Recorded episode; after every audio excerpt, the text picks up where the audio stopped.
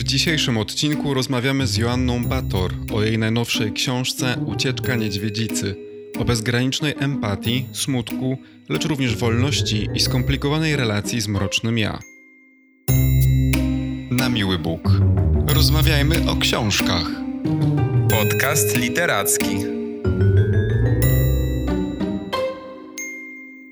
Cześć, witajcie. Przed nami kolejny odcinek podcastu Na Miły Bóg i tym razem będziemy rozmawiać o ucieczce Niedźwiedzicy z wydawnictwa Znak.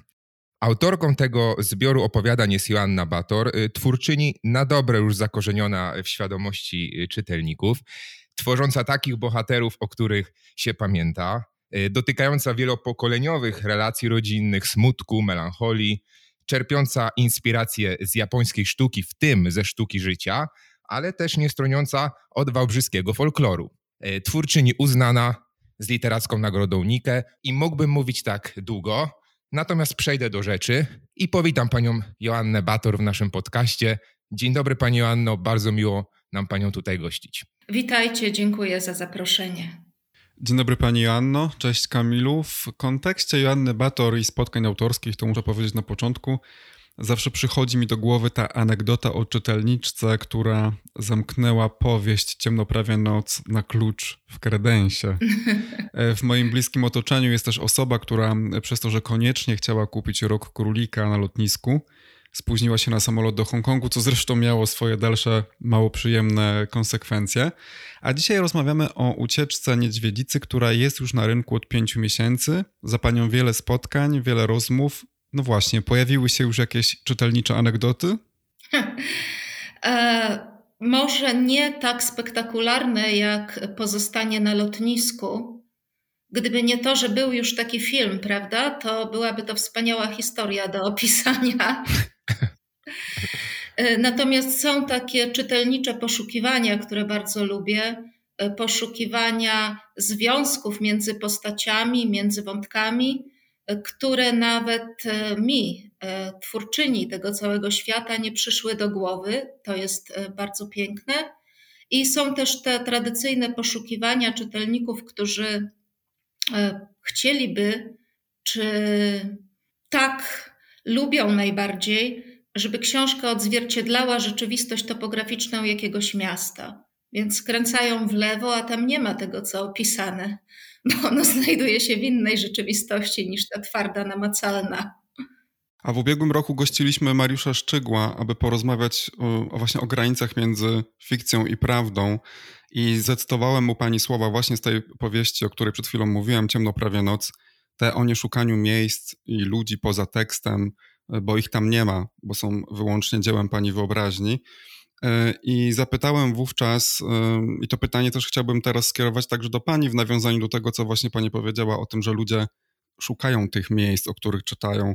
Dlaczego albo czy ludzie pragną, aby fikcja okazała się prawdą? Dlaczego ktoś chciałby szukać w ogóle tych miejsc i osób? Dlaczego musiała Pani umieścić ten tekst na ostatniej stronie? Oczywiście poza takim celem turystyczno-pielgrzymkowym, powiedzmy. E, a rzeczywiście są organizowane wyprawy e, szlakiem moich książek po Wałbrzychu i okolicach, co jest wspaniałe, bo każdy znajdzie jakąś swoją ścieżkę. Myślę, że bardzo potrzebujemy jakiegokolwiek zakorzenienia w czymś, co możemy określić jako prawda, choćby była to tylko topograficzna prawda miejsca. To, że ten dom naprawdę istnieje na przykład kamienica z Gorzko-Gorzko, a ona istnieje i naprawdę w sensie jej obecności w topografii miasta, bo jakiś konkretny, określony dom przyciągnął moją uwagę, kiedy się włóczyłam po Nowym Mieście w Wałbrzychu. I jednocześnie istnieje jeszcze bardziej prawdziwie już w tekście, gdzie jest zupełnie, zupełnie inna, stworzona od nowa a nawiązując do, do Mariusza, Mariusz jest e, reporterem przede wszystkim i on musi sprawić tak, żeby fakty tańczyły.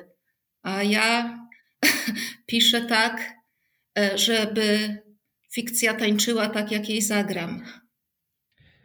Mówimy o Gorzko Gorzko e, i o innych książkach. Ten odcinek jest również pod znakiem y, ucieczki niedźwiedzicy i do tej książki chciałbym się odwołać y, z moim pytaniem teraz, bo mówimy o nim oczywiście jako zbiorze opowiadań, co też jest dla pani jako autorki taką formą nietypową, y, a ja ciągle mam taką pokusę, żeby nazywać tę książkę po prostu powieścią. Oczywiście opowiadaniami, bądź też jak je nazywam, rozdziałami pisanymi e, przez różnych narratorów w różnych miejscach, w różnym czasie, ale jednak ze wspólnymi mianownikami, e, które te wszystkie historie łączą. I tak zastanawiam się, czy jest dla Pani, widzi Pani większy potencjał e, literacki w takich długich formach, w historiach, gdzie bohaterowie są ze sobą powiązani, niż w takich krótszych, oderwanych zupełnie od siebie częściach książki? Moje zamierzenie pierwotne po Gorzko Gorzko było takie, żeby zrobić zbiór opowiadań. Um, miałam trzy opowiadania, które mi się podobały. Począwszy od tytułowej ucieczki niedźwiedzicy, to były jeszcze Stare Buty i Licho. I miałam ze trzy opowiadania napisane dużo wcześniej, które nie, nie podobały mi się już zupełnie. I kiedy zaczęłam przyglądać się temu, co mam i co ciągle jeszcze wydaje mi się żywe, um, takie poruszające się, e, to okazało się, że Ucieczka Niedźwiedzicy, tytułowa opowieść, która stała się tytułem całej książki, działa jak rodzaj kłącza, że rozgałęzia się podziemnie, nie zawsze świadomie, i z tego kłącza wyrastają nowe roślinki, nowe opowieści. I mówiąc o ucieczce niedźwiedzicy, bardziej skłonna byłabym jednak nazywać tę książkę powieścią, gdybyśmy już musieli wybierać, ale nie musimy, tak? To jest forma, to jest forma e, dużej opowieści złożonej, tak jak Pan mówił, z wielu, 16 konkretnie, głosów e, różnych narratorów, których ścieżki przecinają się, krzyżują, a czasem biegną obok siebie w tej gęstej y, sieci. Nie sądzę, żebym kiedyś zrobiła tradycyjny zbiór opowiadań. Po ucieczce niedźwiedzicy wiem, że każde zamierzenie krótkiego tekstu rozrośnie mi się w coś większego. Bo jeżeli już znajduję taką ideę, że w ogóle ona mnie pociąga, że warto usiąść do tej strasznej roboty i pisać, e, to jest ona na tyle potężna w sensie ogarniania mnie swoją mocą, że jest na, na coś większego niż tylko opowiadanko. A był taki moment, że któreś z tych opowiadań chciało na przykład właśnie tak wyrosnąć w powieść i musiała pani poskromić ten tekst? Miała pani ochotę tak skręcić na chwilę i z jakiegoś opowiadania zrobić dłuższą formę jednak? A wie pan, że nie, dlatego że najwspanialsze w pisaniu tej książki było to, że co kilka miesięcy, tygodni jednak coś kończyłam. I tak sobie wyobrażałam pracę nad tradycyjnym zbiorem opowiadań, że oto parę tygodni i ciach, jest gotowa całostka. No tu okazało się to bardziej skomplikowane, bo e, kończyłam, a później pisząc czternaste wracałam do trzeciego i siódmego i właściwie każdego dnia surfowałam między tymi e, kilkunastoma tekstami. Wspomniała Pani o sieci, która łączy wszystkich bohaterów. E, ja przyznam szczerze, że w pewnym momencie przestałem to już śledzić, bo stwierdziłem, że nie ma to większego sensu, przynajmniej w moim przypadku. Bardziej skupiłem się na całej tej idei, natomiast Kamil rozrysował sobie mapę bohaterów i bohaterek ucieczki niedźwiedzicy. Pokazał to na naszym e, Instagramie jako, jako taką zajawkę, powiedzmy trailer przyszłej rozmowy naszej o tej książce. I ja wiem, że pisarsko idzie pani najczę najczęściej na, na żywioł, ale chciałbym zapytać, jak było w tym przypadku. Stworzyła sobie pani jakiś schemat, czy faktycznie to się tak samo ułożyło gdzieś po drodze? A to wracając do tego pytania o, o anegdoty czytelnicze, e, to tak, e, widziałam już rozrysowane mapy, nawet w, pisane w tabelki więzi między bohaterami i wątkami. Ta praca była zupełnie inna niż e, przy dużej powieści, ale jednak nieco podobna do Gorzko Gorzko, nad którym pracowałam w czterech plikach, których nazwy były imionami moich bohaterek. I różnic było jednak więcej, bo w przypadku powieści mam jedną konkretną, jak to nazywam, zahaczkę. Coś, o co zahacza się ta pierwsza nić opowieści, a w przypadku ucieczki niedźwiedzicy tych zahaczek było więcej. One przychodziły do mnie częściej i myślę, że bardziej niż przy pisaniu poprzednich rzeczy, byłam otwarta na to, co dzieje się tu i teraz, e, w rzeczywistości, która mnie otacza. Pisanie powieści kojarzy mi się z takim wręcz buddyjskim odosobnieniem, że już ja już mam wszystko, mam zahaczkę, teraz mogę pisać. A tutaj przychodziły do mnie te inspiracje, tak? To się mówi, inspiracje dla kolejnych tekstów, dla kolejnych bohaterów. Nie wiem, taki przykład, na przykład opowieść Sromotniki jest zahaczona o historię, która zdarzyła się w lesie koło mnie, gdzie jest ośrodek dla uchodźców Dębak i gdzie rodzina tam zakweterowana zjadła e, sromotniki, najbardziej trujące grzyby, jakie można znaleźć w polskim lesie. I ten tragiczny wymiar tego, że uciekasz ze swojego kraju, siedzisz w jakimś ośrodku dla uchodźców, jeszcze do tego wszystkiego zjadasz najbardziej trującego grzyba. Przecież to jest grecka tragedia, która dzieje się tuż za płotem. Także to przychodziło od tak sobie właśnie. Nagle gdzieś spod spodu wydobywała się opowieść o pewnym żółwiu, który kiedyś uciekł mojej koleżance w Wałbrzyskim Ogródku i tak dalej. No właśnie, mówi Pani o tych inspiracjach i jakbym miał szukać takiego wspólnego mianownika tych inspiracji, to one mm, w tych opowiadaniach wybrzmiewają trochę słodko-gorzko, bo, bo z jednej strony wszyscy albo i większość bohaterów ty, tych opowiadań y, mają życie przepełnione jakimś smutkiem i zawodem, ale z drugiej strony powiedziałbym, że nie są pozbawieni też determinacji, aby ruszyć się z miejsca i coś y, w swoim życiu z, zmieniać. Y, I tak mi się skojarzyło to mm, z tym tancerzem japońskim, tańca buto, o którym pani też niejednokrotnie w opowiadaniach wspomina. I może to moje pytanie zabrzmi trochę patetycznie, ale tak zastanawiam się, czy czy sądzi Pani, że sztuką życia y, jest właśnie takie zatracanie się w swoich śmierciach tu na ziemi i, od, i odradzanie się w jakiejś lepszej formie, na nowo, y, właśnie w obrębie tego naszego życia, y, tak jak ten taniec tancerza Buto? To jest e, interpretacja niedźwiedzicy, jedna z interpretacji najbliższych moim e, świadomym autorskim intencjom. Ta książka jest między innymi o tym, że czasem smutek, a mamy do niego wiele powodów, do smutku, do rozpaczy, ogarnia nas z taką siłą, że zatrzymujemy się w biegu, w krzątaninie. I odpowiedź, jaką daję w różnych opowieściach, z opowieści niedźwiedzie, jest taka, żeby sobie dać pozwolenie na to, że, że teraz jakby umieramy, moi bohaterowie i bohaterki schodzą do różnego rodzaju piwnic, poczekalni czy przeczekalni, które są jednocześnie transformatorniami. Zamykają się tam kulą w sobie, zwijają w kłębek, jak bohaterka szkaradowa w piwnicy na przykład, i dają sobie pozwolenie, e, że teraz mogę zrobić tylko tyle, czyli prawie nic. Moja bohaterka finalnego opowiadania, Tikun Olam, zamyka się na gliniankach. Już nie chce mieć nic wspólnego z tym światem. I jednak wszyscy znajdują tę siłę, żeby jak tancerz buto podnieść się jeszcze raz z popiołów, podnieść łeb i patetycznie miało być tak, stanąć e, do walki o to, co ważne, dalej żyć, ale nie w sensie trwać, tylko żyć, będąc zaangażowanym, zaangażowaną e, w świat, Czyli jednak wszyscy bohaterowie. I tutaj taka e, wizja e, przyświecała, bo ja miałem takie wątpliwości, czy rzeczywiście wszyscy w tym swojej metamorfozie potrafią ją podjąć tak naprawdę.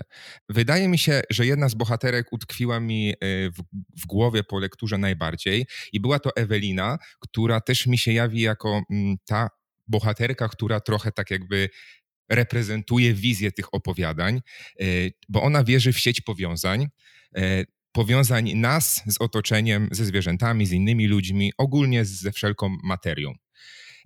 Zacytuję jej słowa, bo wypisałem sobie te zdania. Nie wpadamy na siebie ani w ogóle na nic przypadkowo, tylko uparcie podążamy pajęczyną ścieżek, która nas do siebie przyciąga i łączy. Nie ma przyczyn i skutków, jest tylko sieć.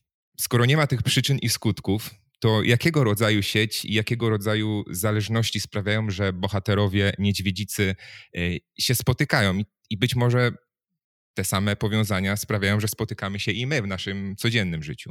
Cieszę się, że Pan wspomniał Ewelinę, bo ona jest, i to jest jedna z takich rzeczy, które autorka sobie uświadamia y, już po napisaniu książki, czyli jest tym, co przychodzi z tekstu nocnego, z tego co nieświadome w pisaniu.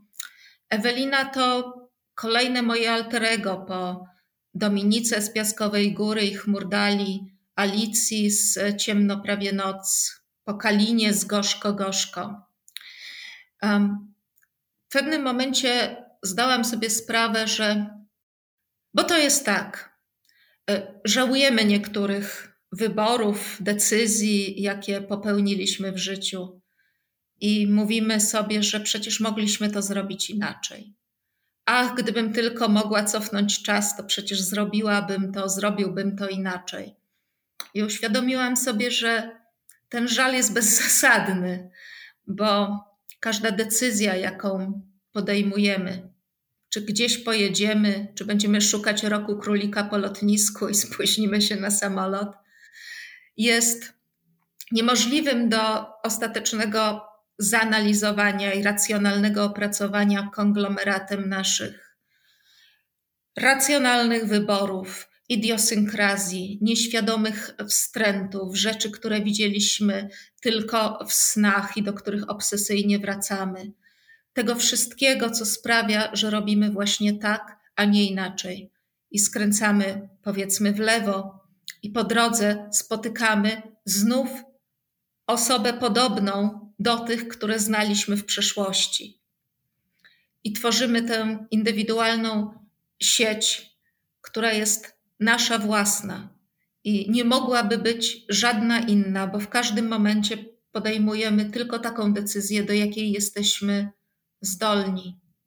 Ja bym chciał na chwilę wrócić do tego, co mówiła Pani przed chwilą o tym takim ostatecznym odradzaniu się i, i, i jednak walce ze światem o to lepsze, bo mnie się trochę wydaje, że Bohaterkom ucieczki niedźwiedzicy zależy mniej na konfrontowaniu się ze światem niż tym y, bohaterkom z pani wcześniejszych książek, bo one zamiast konfrontacji wybierają szeroko rozumianą ucieczkę, chociaż wolałbym tutaj powiedzieć słowo odejście, bo ja nie odczytuję tych ucieczek jako jakąkolwiek formę rezygnacji czy tchórzostwo. Właśnie wręcz przeciwnie, to jest raczej pewien rodzaj wyzwolenia dla mnie. I trochę na takiej zasadzie, że skoro nie mogę wygrać walki ze światem, to urządzę sobie swój własny świat. Oczywiście na tyle, na ile to jest możliwe. I teraz na przykład, gdy porównamy Alicję Pancernik z Batwoman, to o obu można powiedzieć, że są odważne, każde na swój sposób, ale mam takie właśnie wrażenie, że jednak środek ciężkości tej odwagi chyba trochę się przesunął. E, ma pan rację. Mm, Alicja była zaangażowana w takim sensie e, dosłownym. E, natomiast bohaterowie, bohaterki, osoby bohaterskie z ucieczki niedźwiedzicy przede wszystkim walczą o swoją indywidualną, małą wolność, która z kolei jest absolutnie niezbędnym warunkiem jakiegokolwiek innego zaangażowania. Bo bez poczucia, że, że ją mamy, że jesteśmy w możliwie największym stopniu wolni, że nasz świat jest takim gniazdem, w którym czujemy się w miarę bezpiecznie, ale z którego też widać szeroki horyzont. Tylko wtedy możemy, tak jak e, stara kobieta z ostatniego opowiadania, znaleźć ciągle siłę, moc, przekonanie do tego, żeby znów budować i naprawiać e, domy. Myślę, że napisanie tej książki to, co działo się na zewnątrz, tak jak już wspomniałam, miało większy wpływ niż w przypadku powieści.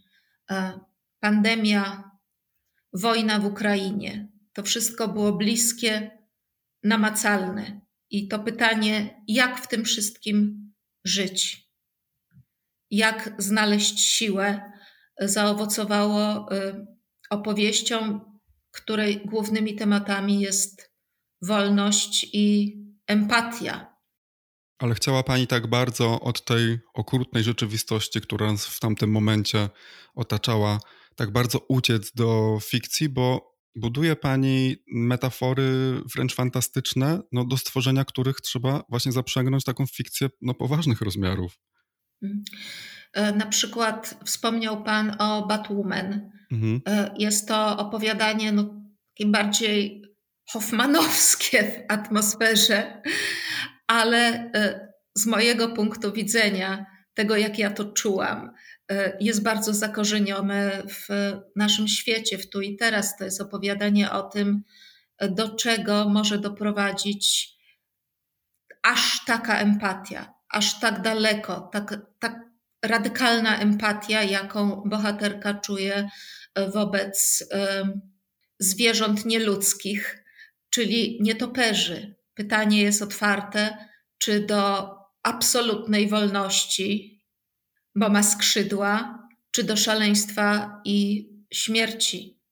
Tak samo sromotniki, o których wspomniałam.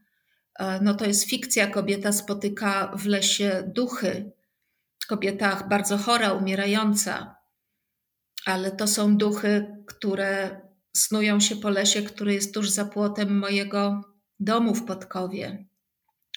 Także jest to świat fantastyczny, jest żółw, ale z Kijowa, który mówi po angielsku, dla którego tym mięsiwem, tym czym się żywił, e, była rzeczywistość która jest tuż za płotem mojego, mojego ogrodu i która mnie dręczy, która jest wyzwaniem, która mnie też przeraża, bo ja sobie sama też zadaję pytanie codziennie,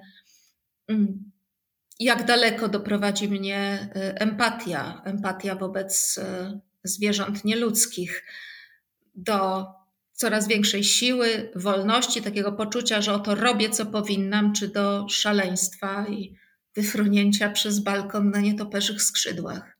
Ponownie zresztą w ucieczce niedźwiedzicy sięga Pani po ten koncept znikania bez śladu, jak również po szeroko rozumiane zamiłowanie bohaterów i bohaterek, osób bohaterskich do udawania kogoś, kim nie są, do wymyślania swoich y, życiorysów, do fantazjowania na swój temat również. Y, mam takie pytanie, czy, czy pani miała kiedyś ochotę wymyślić siebie na nowo, w takim znaczeniu, że na przykład, aby zaistnieć jako pisarz lub pisarka pod pseudonimem, zaszyć się gdzieś, a potem kreować swój wizerunek z ukrycia, tak jak robi to chociażby Elena Ferrante albo malarka A. Pewnie, że miałam ochotę. Gdybym teraz zaczynała od nowa, to y, wersja Ferrante bardzo mi odpowiada, chociaż naprawdę nie znoszę jej jako pisarki. kiedy, kiedy napisałam Piaskową Górę, to mm, złożyłam ją pod pseudonimem Joanna Maria Tabor. Później to nazwisko dałam Alicji z Ciemno prawie noc. Ale Beacie Stasińskiej ten pomysł się zupełnie nie podobał. No i przekonała mnie, żeby jednak zostać Joanną Bator, ale wie pan, czy w ogóle nie jest to czymś tak bardzo ludzkim, że fantazjujemy o tym, jakby to było, gdybyśmy byli kimś zupełnie innym. Zacząć od nowa. Tak, zresztą przecież o tym opowiada, powiedzmy, ta bardziej zabawna część opowiadania 3,5 godziny, bo ona ma, ona ma takie dwie strony i to właśnie ta bardziej dosłowna część tej opowieści, to znaczy oglądanie tych mieszkań, czasami na które nas nie stać, i wyobrażanie sobie nas w tych domach, w tych mieszkaniach, jakie moglibyśmy mieć cudowne życie w tych wszystkich willach, które kosztują miliony i które są gdzieś pokazywane tylko na Instagramie. Oczy właśnie koncept y, sieci społecznościowych i taka pełna kreacja swojego wizerunku, prawda? Tak, no, my żyjemy w świecie, w którym już możemy być kimś innym na co dzień wrzucając sobie filtry na swoje zdjęcia na Instagramie. Możemy żyć w swoim awatarze i w swoim ja e, codziennym bez filtra. To są czasy tak zupełnie nowe, do których chyba ewolucyjnie nie jesteśmy przygotowani, stąd tyle szaleństwa i pogubienia między tymi dwoma światami, ale kultura popularna jeszcze sprzed y, ery mediów społecznościowych też zawsze kusiła nas możliwością bycia kimś innym, która chyba bardziej nawet była skierowana do kobiet. E, ja otwieram Facebooka czy Instagrama i algorytmy podpowiadają mi różne sposoby, dzięki którym byłabym jakąś trochę inną y, osobą. Gdybym się poddała wszystkim proponowanym mi zabiegom i e, wyrafinowanym sposobom nakładania makijażu. A ja mam czasami taką pokusę, e, jak ja to nazywam, trollowania e, moich znajomych, to znaczy na przykład wrzucania na Instagramie rzeczy, które wydarzyły się bardzo dawno temu, bo przyzwyczailiśmy się do tego, że to, co wrzucamy na Instagram jest faktycznie instant, to znaczy dzieje się dokładnie w, mniej więcej w tym samym momencie, w którym to wrzucamy. Natomiast mnie zawsze jakoś fascynowała taka opcja postowania rzeczy, które nie dzieją się ani teraz, ani nawet wczoraj, tylko wydarzyły się kiedyś dawno temu i na przykład zrobiłem jakieś zdjęcia, których nigdy nie opublikowałem hmm. i sprawdzania właśnie, jak ludzie reagują. Jest to fascynujące, że w jakimś sensie możemy nawet nie tyle kreować, co po prostu wymyślać, fantazjować na swój temat w danym momencie. Oczywiście, nawet w tak prosty sposób, jak y, zwykle, kiedy skądś wracam, to przedłużam swój pobyt fikcyjnie, publikując jeszcze zdjęcia z tego miejsca, które opuściłam już kilka dni. Ja też. Bo wtedy ludzie widzą, że ja tam jestem i na razie nie będą mnie molestować, więc wszyscy to robimy. Żyjemy w czasach fikcyjnych. Rzeczywiście to jest praktyczne rozwiązanie, muszę o tym pomyśleć. Rozmawialiśmy o tej niejednoznaczności w opowiadaniach, w której chodziło o mm, jakby kroczenie pomiędzy realiami a realizmem magicznym, można powiedzieć, ale mm, Uważam, że też jakby elementem wspólnym wszystkich tych opowiadań jest fakt, że fabularnie one są też y, niedopowiedziane. Tam nigdzie nie ma y, przez panią wskazane palcem, jakie jest ostateczne rozwiązanie i jakie są losy bohaterów. Czy to Marianny Polnej, która stoi nad rzeką, y, czy to polskiego małżeństwa w Grecji, czy Batwoman właśnie, która stoi na tym, na tym balkonie.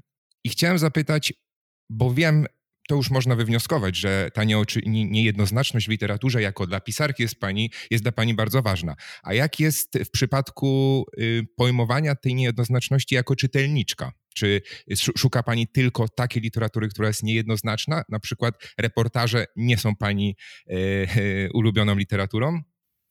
W fikcji, w powieściach szukam tak niejednoznaczności Powiedziałabym, że piszę takie książki, takie opowieści, jakie sama lubię czytać. E, reportaże bardzo lubię. Przez trzy edycje bodajże byłem w jury Międzynarodowej Nagrody imienia Ryszarda Kapuścińskiego za reportaż literacki. To była jedna z najfajniejszych e, robót na boku, jakie miałam w życiu. I kiedy piszę fikcję, to na ogół czytam właśnie reportaże. Dopiero kiedy przestaję pisać i jestem między książkami, czytam więcej fikcji. Ta niejednoznaczność niekiedy jest bolesna dla czytelników. Na przykład opowiadanie 3,5 godziny, które, które było dla wielu osób bardzo e, wzruszające. Słyszałam, że no, fajnie byłoby wiedzieć, wiedzieć co dalej i zrobiłam coś, e, coś dziwnego chyba. E, napisałam jeszcze jedno opowiadanie, które wkrótce opublikuję i w nowym wydaniu Niedźwiedzicy się znajdzie. Ma tytuł Ręce zegarmistrza. I z niego dowiedzą się osoby czytające, co stało się z bohaterką 3,5 godziny. My się trochę z Kamilem e, o te zakończenia posprzeczaliśmy, bo ja o ile widzę, że one są otwarte, nie są dopowiedziane, to jednocześnie też uważam, że fabularnie te opowieści stanowią pewne zamknięte formy, bo ja jako czytelnik dokonuję interpretacji w tym momencie, w którym zostawia pani bohaterów. Na przykład to wspomniane opowiadanie o polskim małżeństwie w Grecji, które się rozstaje na tej greckiej wyspie. Mm. Owszem, jakby nie znamy dalszych losów tej pary, nie wiemy, czy oni ostatecznie wrócili do siebie, czy nie, ale gdybyśmy wiedzieli, to w mojej ocenie byłoby to opowiadanie o czymś trochę innym. Na przykład, gdyby do siebie wrócili, mielibyśmy kolejną historię, powiedzmy, mm -hmm. o zażegnanym kryzysie, prawda? Albo o jakimś odkrywaniu się na nowo. A tak mamy historię o tym, że to jest jedna z interpretacji oczywiście, że miłość to także umiejętność uszanowania decyzji drugiej osoby o odejściu. Bo właśnie w takim momencie zostawia pani tych bohaterów i te buty powieszone na bramie są dla mnie objawem miłości, czy też troski, no takiej, która ściska za serce bez wątpienia, ale jednocześnie cała ta sytuacja e, końcowa jest uszanowaniem decyzji e, partnera i w tym sensie jest to dla mnie skończona opowieść mówiąca o tym konkretnym mm, aspekcie relacji. I oczywiście taka interpretacja narzuca pewną jednoznaczność, no bo ona wyklucza inne zakończenie, czyli powrót do siebie. Tak, bo to opowiadanie jest na tej warstwie podtekstu, jest o tym, że znikł chłopak, którego ona kiedyś kochała, a na jego miejsce pojawił się pan w średnim wieku, z trochę zapuszczoną brodą. I czy tego nowego może pokochać, może uszanować jego decyzję. Tak, ono jest bardzo wieloznaczne. Tak, niektórzy czytelnicy i czytelniczki chcieliby wiedzieć, czy ona do niego wróci, czy też nie. Ale ja takiej odpowiedzi nie, nie mogę dać. Ja też te, właśnie dlatego tak interpretuję to opowiadanie, że ja nawet nie potrzebuję tego dopowiedzenia i wolałbym, żeby go nie było, bo właśnie uważam, że w ten sposób te opowiadania są e, o wiele bardziej wartościowe, nawet literacko. Ja nie mam w ogóle takiej potrzeby zamykania takiego e, happy endem czy, czy nieszczęśliwym endem. To jest dla mnie bardzo naturalne, bo, bo w życiu e, wiele rzeczy kończy się właśnie tak. Myślę, że też niezależnie jak to by się skończyło, to oba te rozwiązania mają w sobie jakiś taki potencjał literacki, bo nawet jeśli by do siebie e, wrócili, że tak będę tu z uporem maniaka e, próbował zakończyć tę, tę, tę, tę historię w jakiś sposób, to pamiętajmy, że tam bohaterka na końcu, patrząc na dom swojego e, dawnego męża, mówi o tym, że ona już dziś pachnie inaczej, o ile dobrze pamiętam. I być może ta zmiana, która nastąpiła y, przez te wiele lat, y, pozwoli im spojrzeć na siebie inaczej, bez tej nudy, bez, te, bez tej e, monotonii, która właśnie przeszkodziła im w dotychczasowym byciu razem. Ale tak jak mówimy, no, y, tutaj wskazanie właściwego zakończenia, e, czy jakiegokolwiek zakończenia nie jest naszym celem. Ja jeszcze bym chciał wrócić do tego wątku o inspiracjach, chociaż ja strasznie nie lubię tego słowa w rozmowach z ja go nie pisarkami. ono nas zawsze śmieszy, co panią inspiruje. Ale mówmy o inspiracjach, spróbujmy. Ale to użyję innych słów, że każda fikcja ma gdzieś swój początek i jak czytam o ukraińskim żółwiu właśnie, którego, którego już tutaj wspomnieliśmy i który mówi po angielsku, destyluje smutki, E, to ja się mocno zastanawiam, gdzie znalazła Pani e, taką zahaczkę, że tak to się dalej rozwinęło. Czy wystarczyło faktycznie to, że koleżance uciekł żółw? Chciałam napisać opowiadanie o smutku. Opowieść o smutku, który jest piękną, krystaliczną emocją, oczyszczony już z rozpaczy, z żalu, z wściekłości. E, rodzimy się ze zdolnością do radości i smutku, ale rzadko hołubimy smutek. I żółw pojawił się z odmętów nieświadomości. Zapomniany, wyparty tam, spał sobie. Taka to była historia w Wałbrzychu, że e, mojej koleżance uciekł żółw, a przynajmniej tak twierdziła jej matka. Później po latach e, zaczęłyśmy podejrzewać, że wypuściła go na wolność raczej niż uciekł, bo nie chciała się nim opiekować, czy przeszkadzał jej w domu. I on przeżył kilka lat w ogródku i został znaleziony po tych kilku latach. I już wrócił do domu i żyje tam do tej pory. Przypomniał mi się ten żółw i z tego pragnienia napisania o smutku i żółwia, który pojawił się z niepamięci, narodziła się już cała opowieść. W ten sposób, którego nie można do końca wytłumaczyć, ani jako jej autorka nie mam takiej potrzeby wiwisekcji. Był żółw, był smutek, a później żółw przemówił po angielsku. Tak, proszę mi uwierzyć, żółwie potrafią uciekać. Ja żyłem z jednym żółwiem przez 30 lat pod jednym dachem i uciekł mi niejednokrotnie. Żółwie stepowe są bardzo silne i nawet y, kiedy zbudowałem mu e, na zewnątrz taką bardzo solidną, wydawało mi się solidną, e, solidne ogrodzenie, to potrafił z niego e, uciec i, i odnaleźć się u sąsiada. I tego żółwia na pewno zapamiętam. To może niesłusznie posądzaliśmy panią Basię o to, że wyrzuciła żółwia do ogrodu. Y, w każdym razie mm, ten tytułowy smutek, o którym pani mówi, mm, no on tutaj jest przedstawiany przez tego stoika, żółwiego stoika, jako y, czysty smutek, który jest piękny. I tak jak pani powiedziała już y, w, w kilku zdaniach, mm, my chyba ten smutek troszeczkę przedstawiamy w karykaturalnej formie, bo, bo jakby uciekamy od niego za wszelką cenę. E, tak, tak, na ucieczkę od smutku, na rozweselanie się nastawiony jest potężny, dominujący dyskurs kultury. Powinniśmy być uśmiechnięci i powinniśmy być zadowoleni, a możemy być zadowoleni w smutku. Ja hołubię smutek, jestem osobą, która smutek odczuwała właściwie e, od dziecka. Taki smutek związany z coraz bardziej wyraźną, intelektualnie opracowaną świadomością przemijania, choćby. Żeby być wesołym, wystarczy być najedzonym, zdrowym i głupim. Tam jeszcze w tym opowiadaniu o żółwiu pojawia się e, konkretna piosenka Likili, e, Sadness is Blessing. Chciałem zapytać właśnie, czy to tak celowo umieszcza Pani tytuły niektórych piosenek e, w opowiadaniach, żeby czytelnik mógł jakby poczuć i rozszerzyć jakby na nowe zmysły odczuwanie tego klimatu opowiadania?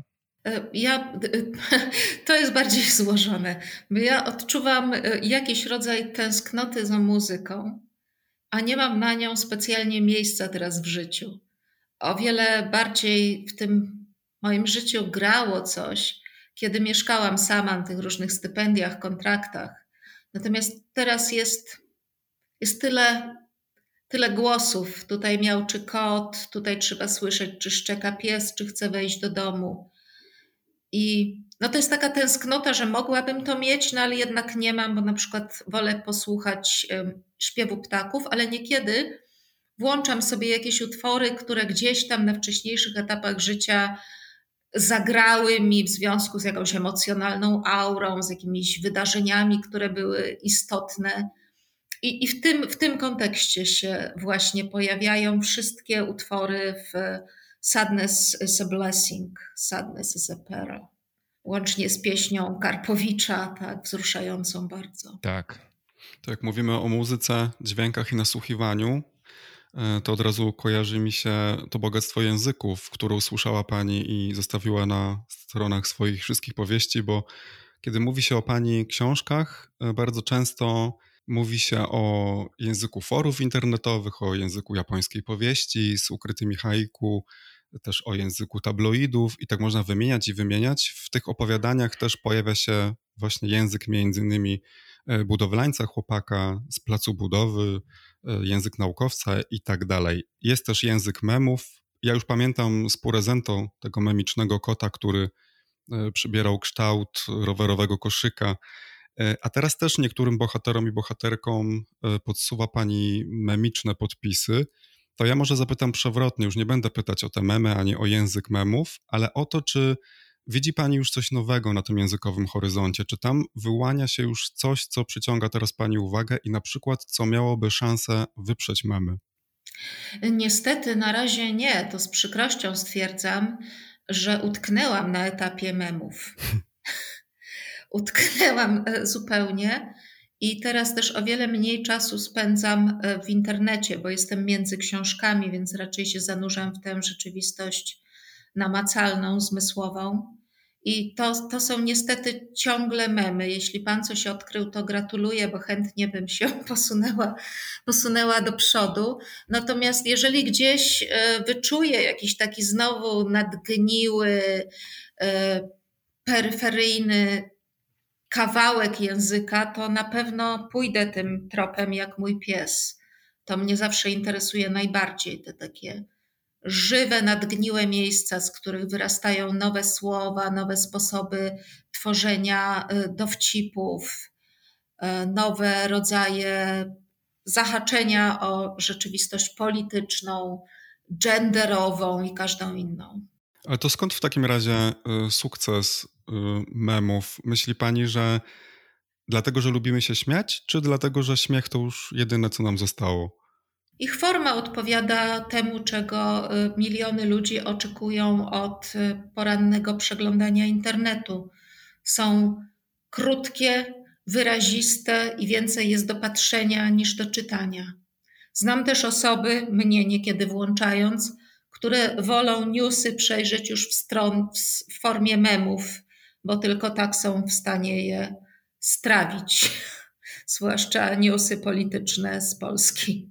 Wracając jeszcze do, do tej pracy nad językiem różnych środowisk, które pojawiają się w opowiadaniach e, z ucieczki niedźwiedzicy, to rozumiem, że przychodzi to pani bardziej naturalnie, żeby wchodzić w tą nomenklaturę, w ten styl językowy, e, niż jest to jakiś żmudny research, tak żeby oddać charakter tych e, środowisk, czy to lekarskich właśnie, które się pojawiały, czy, czy, czy, czy budowlanych.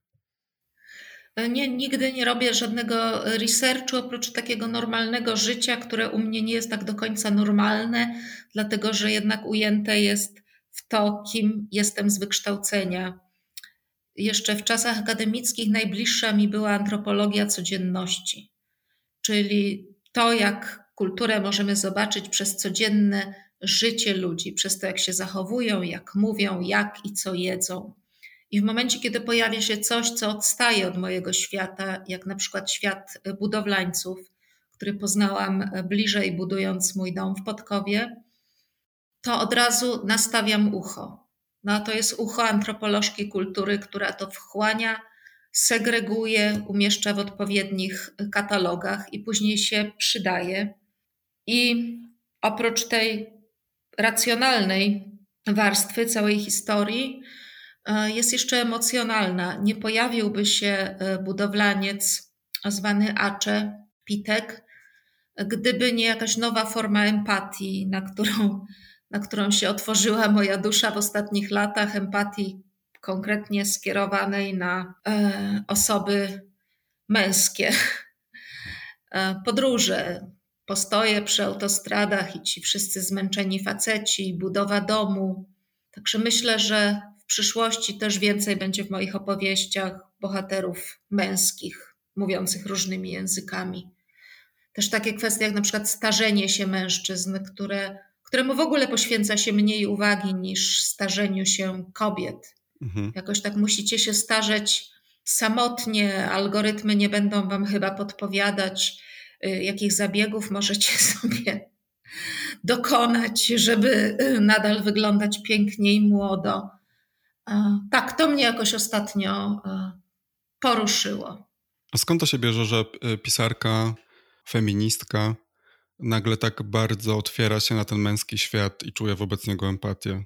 No, mnie zawsze było żal wszystkich, którzy cierpią, niezależnie od płci i od przynależności gatunkowej. Myślę, że to jest to, co jest ponad moim feminizmem E, i co się rozwija i poszerza. Powiedziałabym nawet niestety, bo kiedy raz przekroczysz ten portal, za którym jest rosnąca wrażliwość na cierpienie zwierząt, to już nigdy stamtąd nie wyjdziesz i twoje życie na co dzień będzie coraz bardziej trudne i nieznośne. Więc czy to jest mężczyzna, czy kobieta, czy inna ludzka albo nieludzka osoba, to nie robi mi różnicy, kiedy czuję współczucie z jakiegoś powodu. Myślałam, że może powie Pani, że jako feministka walcząca z tym systemem, który przyporządkowuje kobietom pewne role, to widzi też Pani na przykład tę drugą stronę, to znaczy nam też ten system narzuca e, pewne role. Ależ oczywiście no, to jest system, który jest toksyczny dla wszystkich e, istot e, żywych. Wrócę do tego obrazu, który tak został mi w pamięci i ciągle za mną chodzi, czyli ci mężczyźni przy autostradach pracujący tak ciężko fizycznie, jak ja nigdy nie pracowałam i nie będę, którzy też wychowali się w tym systemie, który im mówił, że mężczyzna przecież musi mieć porządną robotę, musi utrzymać rodzinę. Jeżdżą na tirach, siedzą kilkanaście godzin e, za kółkiem, zniszczeni tym trybem życia, jedzący jakieś straszne, niezdrowe e, jedzenia. Tak, to, no bez wątpienia no to jest podstawa feministycznego myślenia, że jest to system opresywny dla wszystkich płci. Z tym, że na bycie mężczyzną i kobietą nakłada się jeszcze szereg różnych różnic, różnych innych różnic ekonomicznych, społecznych, mm. etnicznych. Rozmawialiśmy przed chwilą też o tych wszystkich głosach, które e, pojawiają się w e, pani literaturze, i tak na zakończenie Chciałbym zapytać e, o pewną kwestię, która w naszym podcaście przewija się od czasu do czasu, a mianowicie jest to pytanie, kim jest ten głos, który pojawia się w głowie pisarza, pisarki w momencie samego aktu pisania, tworzenia. E, bo wydawać się może, że czasami ten głos należy do e, piszącego, piszącej, ale domyślam się, że czasami no, może nam podpowiadać takie rzeczy mroczne, pełne grozy, czy tak osobliwe, że na przykład zaczyna się postrzegać ten głos jako wręcz głos odrębny. I w pani książkach, również właśnie w ucieczce niedźwiedzicy, ten głos y, zawsze jest mocno zarysowany. Chciałem zapytać, jaką ma pani relację ze swoim mrocznym ja? Czy ta relacja zmieniła się jakoś od czasów ciemno prawie noc?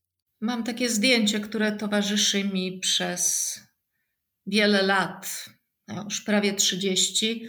E, widzę je teraz, kiedy rozmawiam z panami, przedstawia bliźniaczki.